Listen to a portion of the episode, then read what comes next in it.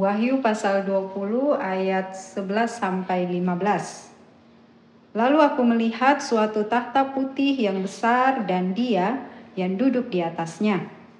Dari hadapannya lenyaplah bumi dan langit dan tidak ditemukan lagi tempatnya.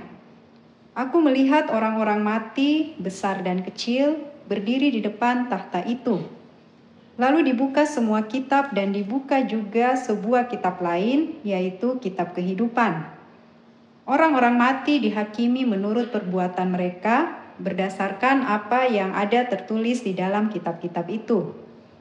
Lalu laut menyerahkan orang-orang mati yang ada di dalamnya, dan maut dan kerajaan maut menyerahkan orang-orang mati yang ada di dalamnya, dan mereka dihakimi masing-masing menurut perbuatannya. Kemudian maut dan kerajaan maut itu dilemparkanlah ke dalam lautan api. Itulah kematian yang kedua, lautan api. Setiap orang yang tidak ditemukan namanya tertulis di dalam kitab kehidupan itu, ia dilemparkan ke dalam lautan api itu. Amin.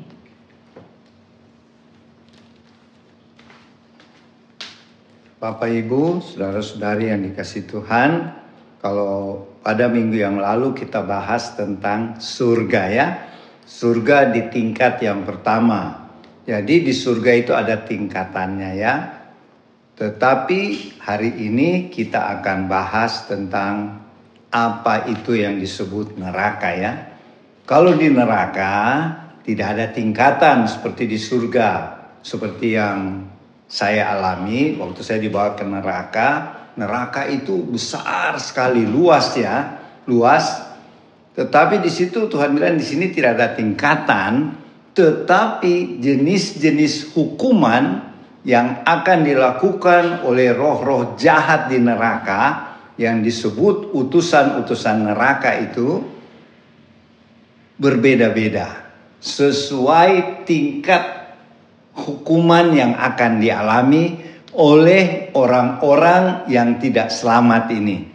Jadi Bapak Ibu saudara-saudari adik-adik yang dikasih Tuhan, kalau kita dengarkan tadi pembacaan firman, itu peristiwa setelah kerajaan seribu tahun. Waktu kerajaan seribu tahun, Tuhan Yesus memerintah di dunia, di kota Yerusalem, di Israel, selama seribu tahun. Dan di akhir pemerintahannya itu, iblis yang tadi dikurung di jurang maut, jurang maut ini adalah salah salah satu bagian dari neraka, tetapi yang paling dalam. Jadi tingkatan di neraka yang paling atas disebut Hades.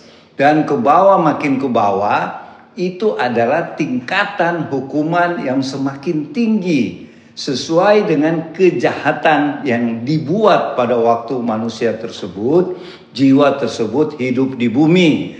Dan pembacaan kita tadi setelah peristiwa kerajaan seribu tahun, iblis kembali ditangkap oleh uh, malaikat Mikael dan dibuang kembali, bukan dibuang kembali ya, dilemparkan ke lautan api, yaitu lautan belerang ya. Jadi di neraka ada dua macam ya, ada lautan api, ada lautan belerang. Tetapi lautan belerang ini juga bernyala-nyala. Kenapa disebut lautan belerang? Seperti di kawah gunung api, belerang itu kan mendidih ya, menggelegak, menggelegak, tetapi menyala-nyala, ya. Jadi neraka itu yang paling atas disebut Hades ya. Hades itu tempat orang-orang mati yang tidak selamat. Kenapa dikatakan tidak selamat? Karena mereka waktu hidup menolak siapa itu Tuhan Yesus. Mereka tidak menerima Tuhan Yesus sebagai Tuhan dan juru selamatnya. Sedangkan Tuhan turun ke bumi mau disalibkan menjadi korban sebagai anak domba Allah untuk menebus dosa-dosa manusia. Semua manusia di bumi, ingat ya Yohanes 3 ayat 16, Tuhan Yesus datang bukan hanya untuk orang Kristen, orang Katolik, atau orang percaya, tetapi karena begitu besar Allah mengasihi dunia ini sehingga Allah rela anaknya yang tunggal yaitu yang kita percaya Tuhan Yesus dikorbankan supaya siapa yang percaya. Catatan ya supaya siapa yang percaya jadi kalau tidak percaya tidak berlaku ya tidak akan binasa. Bahasa lainnya tidak akan ke neraka. Tetapi memperoleh hidup yang kekal yang artinya masuk di surga ya. Jadi uh, kenapa mereka jiwa-jiwa ini saya ketemu di neraka waktu pengalaman pribadi ya. Tuhan katakan mereka tidak percaya dan menolak aku sebagai Tuhan dan juru selamat, sebagai penebus dosa. Makanya kamu nanti setelah kembali dari neraka ini kembali ke bumi, kehidupanmu sehari-hari Jangan lupa untuk memenangkan jiwa-jiwa. Beritakanlah Injil keselamatan ini. Laksanakanlah amanat agung sehingga makin kurang orang pergi ke neraka. Karena mereka menerima pemberitaan Injil, Injil Kristus itu sehingga akan masuk ke sorga. Minimal masuk di Firdaus ya jadi Bapak Ibu Saudara-saudari, adik-adik yang dikasih Tuhan, di neraka itu ada yang disebut Hades ya. Itu tingkat yang paling di atas. Tetapi kalau secara tingkatan itu yang paling rendah ya. Karena di situ yang masuk ke situ pertama orang-orang yang tidak mau percaya Yesus Kristus adalah Tuhan dan juru selamat. Kalau sekarang tidak ada alasan lagi tidak pernah dengar berita Injil ya. Semua orang sudah mendengarkan berita Injil. Kecuali mungkin yang di pelosok-pelosok, hidup di desa pelosok-pelosok yang tidak ada media sosial. Jadi tidak mendengarkan siapa itu Tuhan Yesus. Tetapi kalau sudah mendengar dan menolak, itu akan masuk ke Hades. Hades itu adalah bagian dari neraka ya. Kemudian setelah mendengar berita firman tapi menolak, nah itu tempatnya di Hades. Sudah menolak lagi, melakukan lagi perbuatan-perbuatan kejahatan.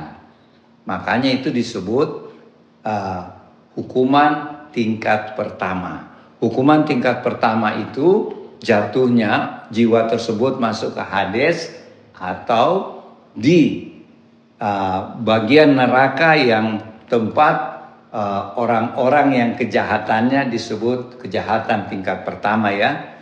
Jadi mereka itu seperti yang beberapa minggu lalu saya terangkan, mereka itu disuruh jalan di satu padang yang luas seperti padang pasir dan pasir itu panas sekali.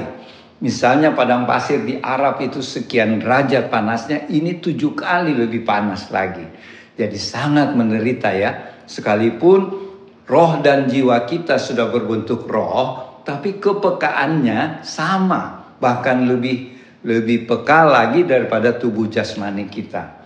Jadi sangat menderita ya. Di Hades saja sangat menderita. Dan di Hades itu ada burung-burung uh, yang saya lihat, tapi burung-burung itu roh-roh jahat ya, yang dipimpin oleh Lucifer. Jadi Lucifer yang sedang menguasai sekarang neraka yang sekarang. Sebab ada lagi neraka yang kemudian setelah penghakiman terakhir, jadi pembacaan firman Tuhan tadi itu adalah penghakiman terakhir. Yaitu setelah kerajaan seribu tahun, Allah Bapa duduk di atas tahta putih yang seperti dibaca tadi, itu Allah Bapa. Dan kemudian ada jaksa penuntut kalau pengadilannya itu adalah Nabi Musa. Jadi Nabi Musa itu dipercayakan Tuhan untuk mendakwa orang sebagai jaksa nanti di pengadilan terakhir. Dan pembelanya siapa? Tuhan Yesus. Jadi bersyukurlah kita kalau kita sudah percaya Tuhan Yesus, firman Tuhan tadi katakan, nama kita akan dicatat di kitab kehidupan. Kalau nama kita dicatat di kitab kehidupan, sudah pasti masuk surga. Tetapi misalnya setelah dicatat kita murtad, nama kita dihapus lagi. Kalau istilah di dunia di tipex ya, bisa di tipex lagi. Jadi hati-hati jikalau kita sudah percaya Tuhan Yesus, kita percaya Roh Kudus tinggal dalam kita dan nama kita sudah dicatat di kitab kehidupan, berarti kita sudah pasti masuk surga. Janganlah masuk neraka. Sebab di neraka itu penyiksaannya luar biasa ya. Susah mau diucapkan dengan kata-kata. Tetapi yang saya ingat, yang di Hades saja jiwa-jiwa itu mereka seperti diikat di satu pohon. Jadi tiap-tiap jiwa ada diikat di pohon. Jadi di satu pohon ada beberapa jiwa ya. Saya sebut jiwa karena itu roh dan jiwanya. Tubuhnya kan sudah dikubur ya.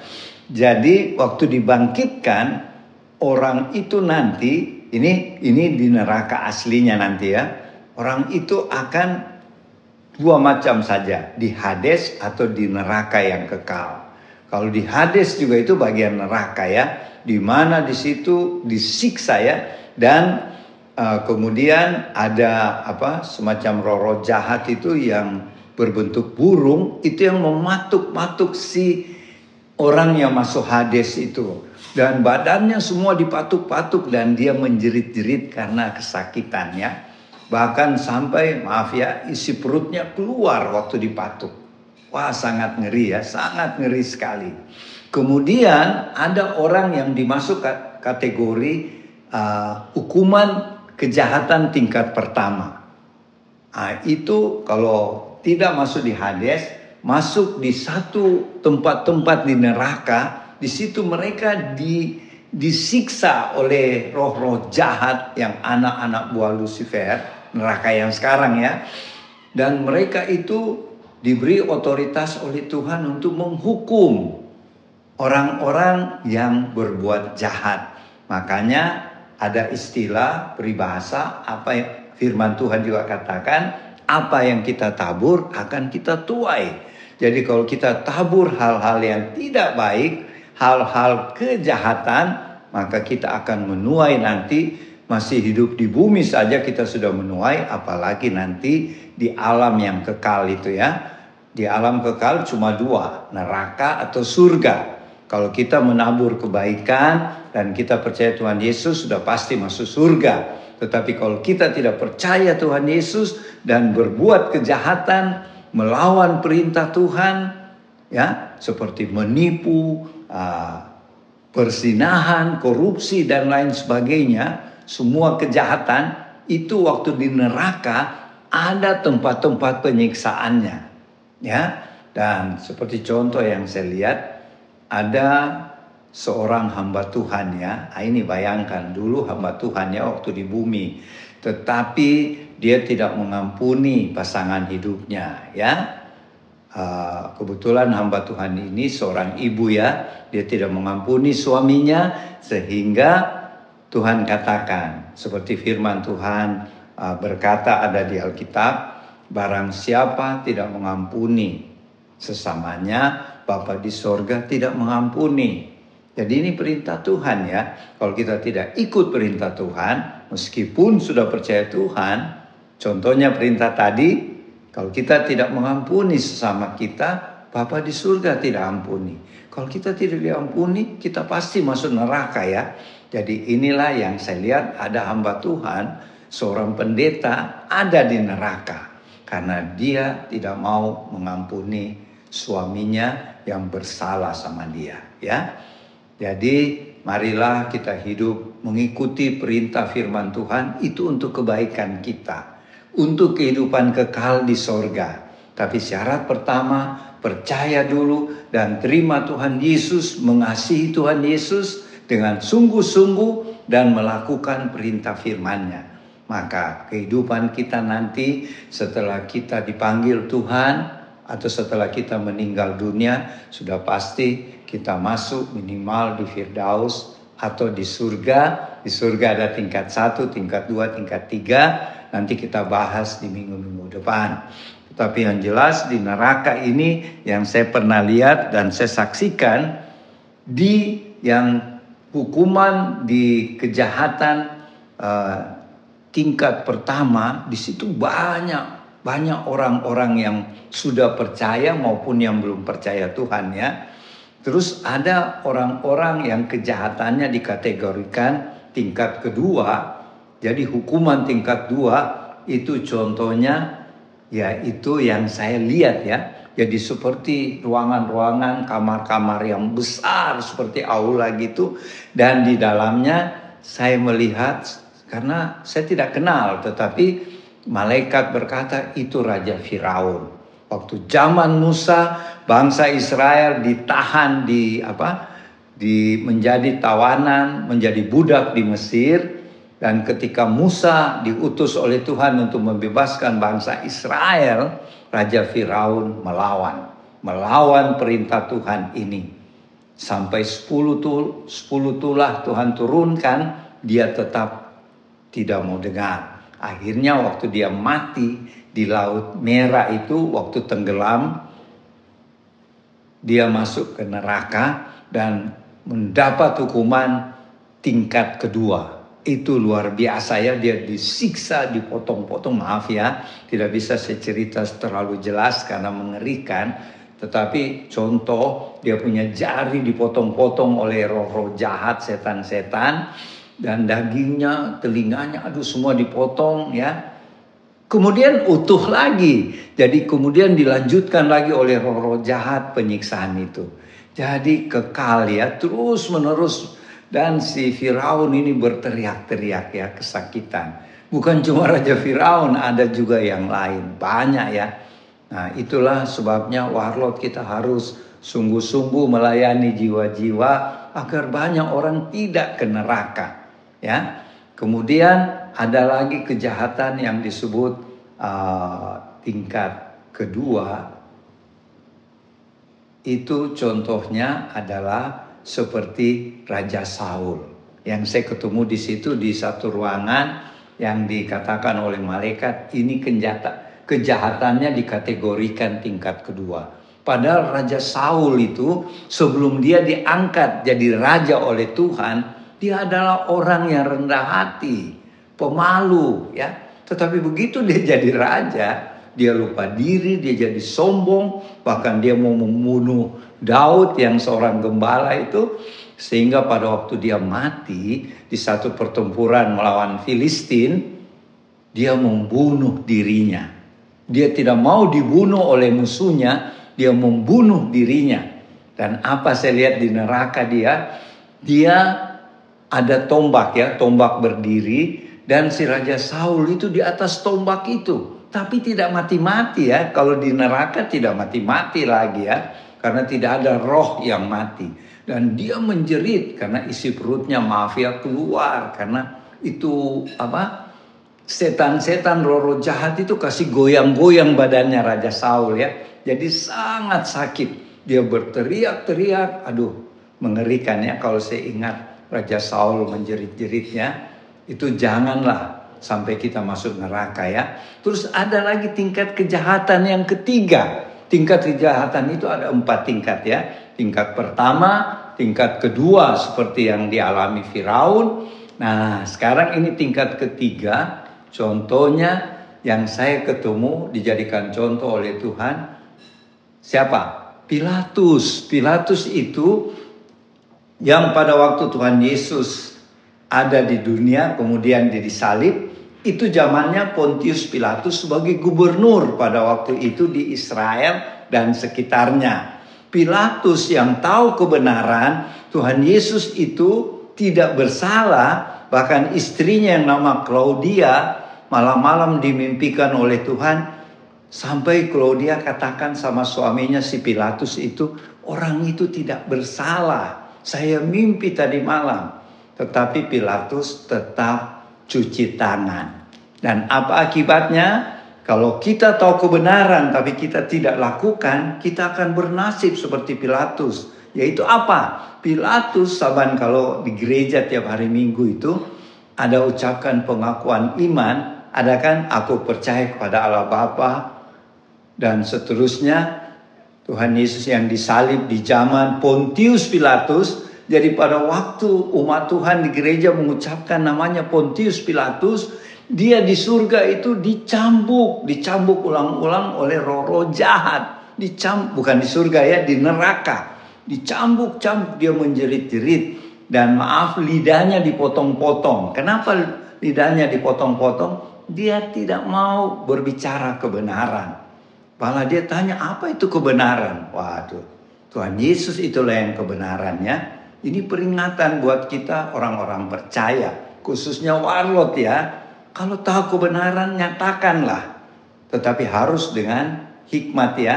Jangan kita salah menyampaikan juga sehingga orang yang disampaikan salah mengerti. Jadi jangan kita seperti Pilatus yang tingkat kejahatannya, tingkat kejahatan ketiga itu dia disiksa di neraka dengan luar biasa ya. Dicambuk, dicambuk ya. Dan yang terakhir tingkat kejahatan yang paling tinggi yaitu tingkat kejahatan yang keempat ada di neraka dan situ saya diketemukan oleh malaikat Tuhan yang mengantar saya itu adalah siapa? Yudas Iskariot. Kenapa dia di, dikategorikan tingkat kejahatan yang paling tinggi? Karena dia sudah tahu kebenaran. Dia bahkan sudah hidup sama-sama Tuhan Yesus tiga setengah tahun. Dia sudah mendengar pengajaran Tuhan. Tetapi bahkan dia menolak Tuhan. Dia mengkhianati Tuhan. Dia menjual Tuhan Yesus. Nah, yang paling tersiksa saya lihat di neraka, semua tersiksa ya, tetapi si Yudas Iskariot ini. Dan dia apa siksaannya di, di neraka? Ya, dia disalib juga dan selalu ini roh-roh jahat mencambuk dia, memotong-motong badannya dan dia juga dipakaikan apa mahkota duri seperti Tuhan Yesus ya si Yudas ini dipakai mahkota duri dan dia disalib dan di belakangnya juga ada banyak salib-salib dan di situ saya lihat ada Hitler, ada orang-orang jahat yang paling jahat dulu itu dikategorikan sama-sama Yudas. Di situlah hukuman yang paling dahsyat ya dan itu sebenarnya letaknya di jurang maut atau ebis itulah kalau di surga ada ibu kotanya surga yaitu Yerusalem baru. Kalau ibu kotanya neraka atau neraka yang paling dalam dan menderita itu disebut jurang maut. Itulah nanti setelah penghakiman terakhir seperti yang dibaca tadi pembacaan hari ini si Lucifer dengan roh-roh jahat lainnya dibuang ke jurang maut ini dan dia akan disiksa selama-lamanya di sana dan di jurang maut itulah ada api, ada belerang yang bernyala-nyala. Wah, tersiksa sekali ya. Jadi apa kesimpulannya ya? Di neraka itu tidak ada yang enak, semua menderita dan gelap, gelap sekali. Saya ingat tidak ada cahaya sedikit pun, gelap sekali. Yang menerangi cuma itu api-api itu ya dan kemudian uh, jeritan orang-orang yang sudah mati itu karena disiksa ya tersiksa dan baunya busuk sekali. Jadi neraka itu saya kasih gambaran gini. Kalau kita pergi di satu tempat sampah, pembuangan sampah, di situ, situ kan baunya busuk. Di situ ada bangkai tikus, ada bangkai kucing, rupa-rupa bangkai itu kalau disatukan begitulah baunya neraka ya. Dan gelap tetapi lembab. Lembab, lembab itu seperti ada rasa. Jadi tidak enak ya. Pokoknya sangat-sangat menderita itu yang disebut neraka. Jadi melalui pemberitaan firman hari ini saya himbau Bapak Ibu, saudara-saudari, adik-adik, pertama Tuhan anjurkan hiduplah dalam pertobatan setiap hari. Ya, kita tiap hari harus uh, mengevaluasi diri atau apa? Uh, selalu minta ampun kepada Tuhan. Makanya Tuhan ajarkan doa Bapa kami ya. Tuhan Yesus ajarkan di situ ada ampunilah dosa kami seperti kami mengampuni orang lain. Jadi saran saya yang pertama tiap hari hidup dalam pertobatan. Uh, kemudian Uh, tetapi syarat pertama percaya dan terima Tuhan Yesus sebagai Tuhan dan Juru Selamat. Maka kita tidak akan masuk neraka ya, tetapi ke surga. Dan setelah percaya Tuhan Yesus, hidup dalam pertobatan setiap hari. Karena mungkin kita tidak sadar hari ini kita sudah melakukan berkata-kata perkataan-perkataan yang sia-sia padahal perkataan kita itu akan dipertanggungjawabkan nanti. Jadi lebih baik kita bertobat. Tuhan ampuni, contoh ya ampuni tadi saya sudah berkata-kata yang tidak baik, ampuni saya. Tuhan ampuni ya. Terus yang ketiga, jadi pertama percaya terima Tuhan Yesus sebagai Tuhan dan Juru Selamat. Kedua, hidup dalam pertobatan setiap hari. Ketiga, inilah tugas Warlord. Melepaskan diri dari belenggu-belenggu okultisme jadi kalau Bapak Ibu saudara-saudari adik-adik punya jimat-jimat atau percaya kepada zodiak-zodiak yang berasal dari iblis itu, itu termasuk akan ke neraka di hukuman tingkat dua ya di situ. Dan yang ketiga, eh keempat, saya anjurkan marilah kita hidup dalam kekudusan, kebenaran, kita menolak dosa, kita menolak godaan-godaan. Yang bahasa Alkitabnya sifat-sifat manusia lama kita harus berani tolak dengan pertolongan Roh Kudus dan kita harus miliki pikiran-pikiran Kristus. Kita harus miliki karakter-karakter buah roh yaitu kasih, sukacita, damai sejahtera, kesabaran, kebaikan, kerendahan hati, kesetiaan, kelemah lembutan dan penguasaan diri. Maka dijamin kita akan ke sorga, bukan ke neraka. Sampai sekian dulu uh, saya jelaskan secara singkat tentang neraka. Nanti di minggu-minggu berikut kita bahas lebih dalam lagi karena waktunya terbatas ya. Dan nanti yang akan uh, melanjutkan Oma Palar akan uh, lebih menyempurnakan apa yang saya sampaikan ya. Tetapi satu hal saya lihat di neraka banyak juga orang percaya ya. Bahkan ada hamba-hamba Tuhan, pendeta-pendeta. Janganlah kita sampai demikian. Demikianlah yang saya bisa sampaikan. Semoga bermanfaat untuk kehidupan kita. Silakan Oma Palar nanti yang melanjutkan. Tuhan Yesus memberkati. Selamat siang Bapak Ibu, saudara-saudari tim Warlot di rumah. Kita jumpa lagi pada siang ini tanggal 1 Oktober 2023. Tadi kita sudah dengar apa pembacaan dari Wahyu yang Opa sudah uh, jelaskan. Saya hanya menambah sedikit pengalaman aja bagaimana kita menghindar dari neraka. Itu saja yang inti bagaimana kita tahu neraka, kita di rumah pasti sudah tahu mana neraka, mana surga. Rambu-rambu neraka itu pasti dosa.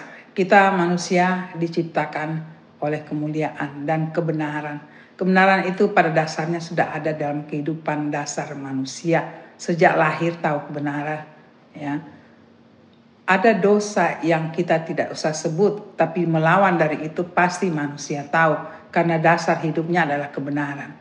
Bagaimana kita menghindar itu tetap saya katakan hiduplah lebih dekat dengan Tuhan. Tidak ada sesuatu kata yang lain lebih intim. Dari keintiman kita di situ ada banyak-banyak tingkatan-tingkatan yang kita harus mengetahui. Yang pertama kita harus percaya dulu. Percaya Tuhan yang mengatur hidup kita.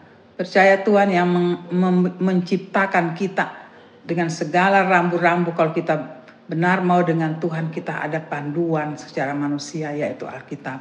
Karena Alkitab adalah dasar, adalah suara Tuhan sendiri. Dengan Alkitab itu kita baca pribadi Tuhan ada di situ. Ada rohnya di situ. Saya tidak mengulang lebih ke dalam ke belakang pasti Bapak Ibu teman-teman semua tahu keintiman lah terjadi di situ. Dalam keintiman di situ ada kedewasaan rohani kita.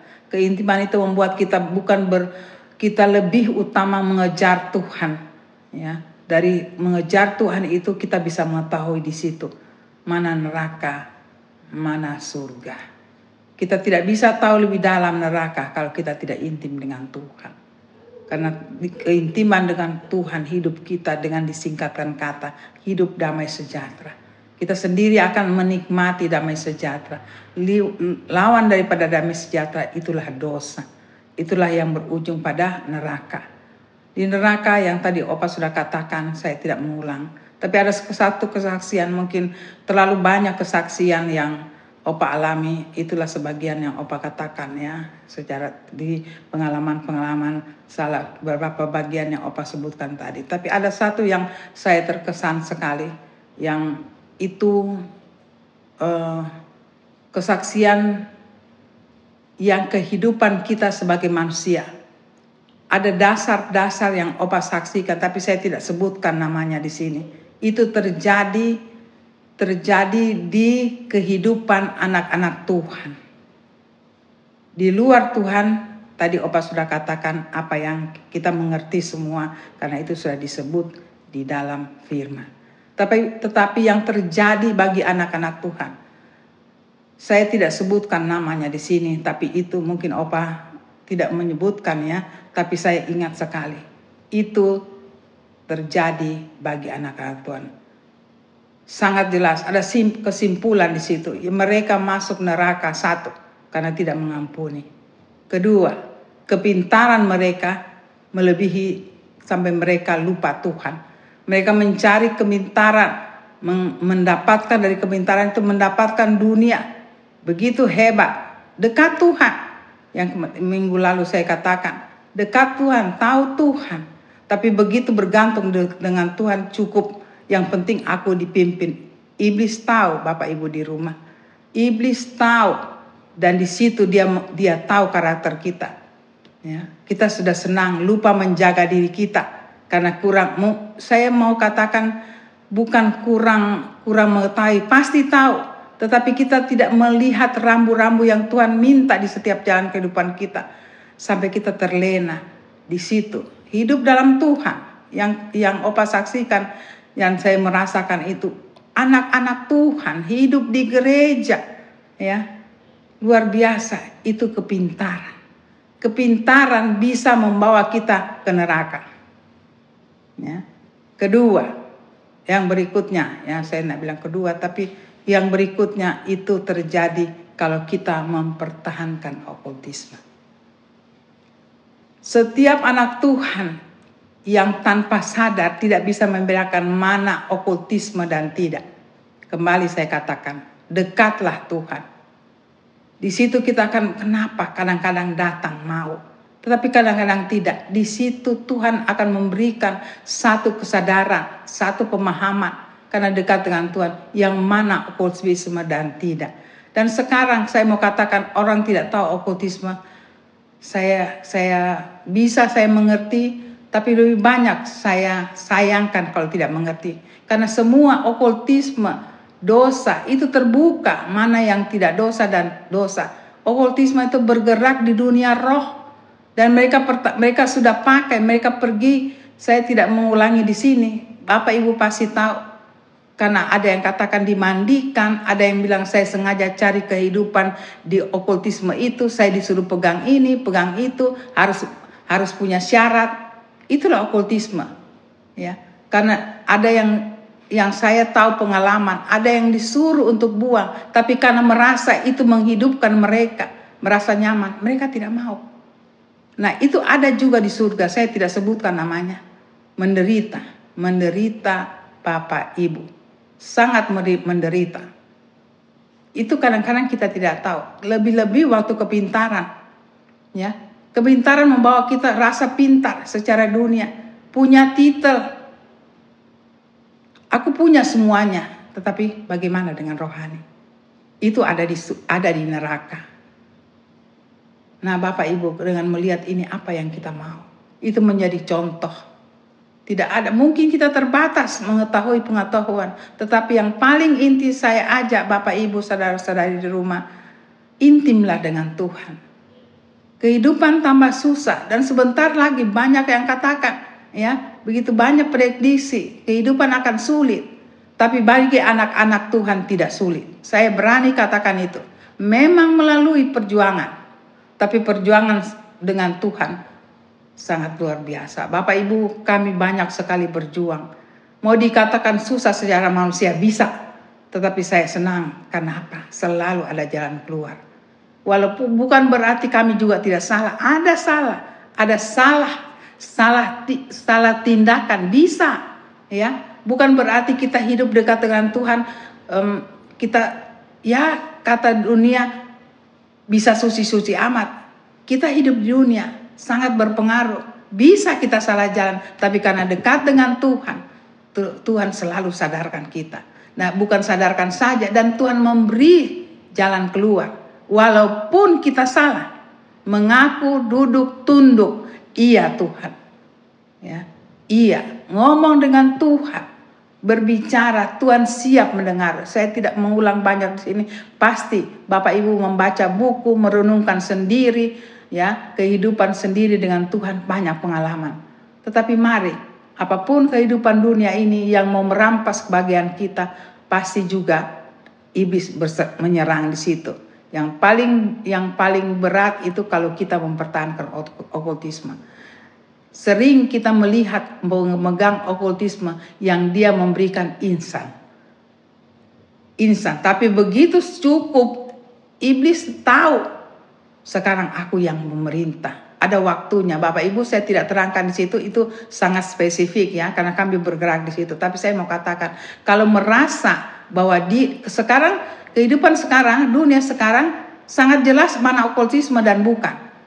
Saya sedikit um, mengatakan tidak setuju, saya tidak tahu bahwa ini okultisme. Okultisme punya cara-cara satu, selalu marah, panas, ya, keadaan selalu selalu gelisah. Itu ciri-ciri khas okultisme, roh setan. Selalu memang dia berikan baik, instan, tetapi selalu itu disertai dengan sudah bagus secara secara secara dunia bisa dapat harta, tetapi menghadapi harta itu selalu akhirnya berakhir dengan tidak enak. Ya, sebenarnya ciri-ciri Bapak Ibu sendiri di rumah saudara-saudari bisa bisa merasakan sendiri. Dari jadi kalau ada yang mengatakan saya tidak tahu, tahu okultisme dunia roh, saya kurang begitu uh, kurang uh, mendengarnya mengatakan tidak percaya bisa juga, tapi sayang Bapak Ibu karena itu terbuka mana roh setan, mana Tuhan. Saya selalu ulang-ulang, Tuhan itu selalu damai. Walaupun mungkin kita salah. Tapi selalu datang Tuhan, mari anakku. Tapi kalau dengan okultisme itu panasnya minta ampun. Saya tidak tahu ada kata yang tepat. Tapi selalu di dalam rumah itu panas ya selalu ada sesuatu yang mendorong kita selalu ya paling saya mengucapkan satu kata saja panas marah gelisah itu ciri okultisme tapi anak-anak Tuhan Tuhan selalu sadarkan ya dengan perkumpulan kita persekutuan kita di situ kita bisa merasakan diri kita. Kita merasakan diri kita kita melihat kehidupan orang lain itu mari kita didik diri kita di dalam rohani yang lebih dekat dengan Tuhan. Mana yang bukan rohani, ya kita bisa tahu di situ. Jadi itu dalam pembicaraan neraka ini supaya kita lebih tahu. Pertama dekat dengan Tuhan. Jangan jauhkan persekutuan-persekutuan kita dengan anak-anak Tuhan. Bisa gereja, ada persekutuan keluarga, ada persekutuan kampung. Itu juga satu persekutuan karena penuh dengan anak-anak Tuhan. Di situ kita dewasa dengan Tuhan. Jangan kita hidup sendiri Tuhan tidak mau. Tuhan waktu tinggalkan uh, pada zaman Roh Kudus Tuhan katakan jangan tinggalkan persekutuan karena di situ kita akan bertumbuh saling mengasah satu dengan yang lain untuk melihat mana nu, mana surga dan neraka. Jadi neraka saya tidak tidak berbicara banyak di situ pasti penderitaan ya karena opat tadi sudah katakan. Tapi mari kita jauhkan diri kita, memperbaiki karakter kita, memperbaiki, hubungan kita lebih dan lebih lagi, ya, supaya kita jauh terhindar dari neraka. Itu saja dan setiap apa yang kita lakukan minta Roh Kudus untuk bimbing kita. Roh Kudus yang membimbing kita di dalam tindakan kita hidup sehari-hari. Roh itu tinggal di kita jadi kita katakan tidak ada Roh Kudus. Kalau saya lebih baik belajar dulu kembali firman. Karena kita punya punya dasar firman, Roh Kudus bersama kita. Kita harus sempurna. Mungkin kita rasa sulit, tapi karena kita mau, saya selalu ulang di sini, Tuhan datang untuk mengangkat kita, untuk memperbaiki kita. Itu saja teman-teman di rumah Bapak Ibu. Saya tidak panjang, yang penting penderitaan. Yang jelas kita tahu penderitaan. Jadi saya tidak terlalu banyak di situ berbicara karena Opa sudah jelaskan ya. Itu saja. Terima kasih. Sampai kita jumpa di minggu depan. Maranatha, Tuhan memberkati. Amin.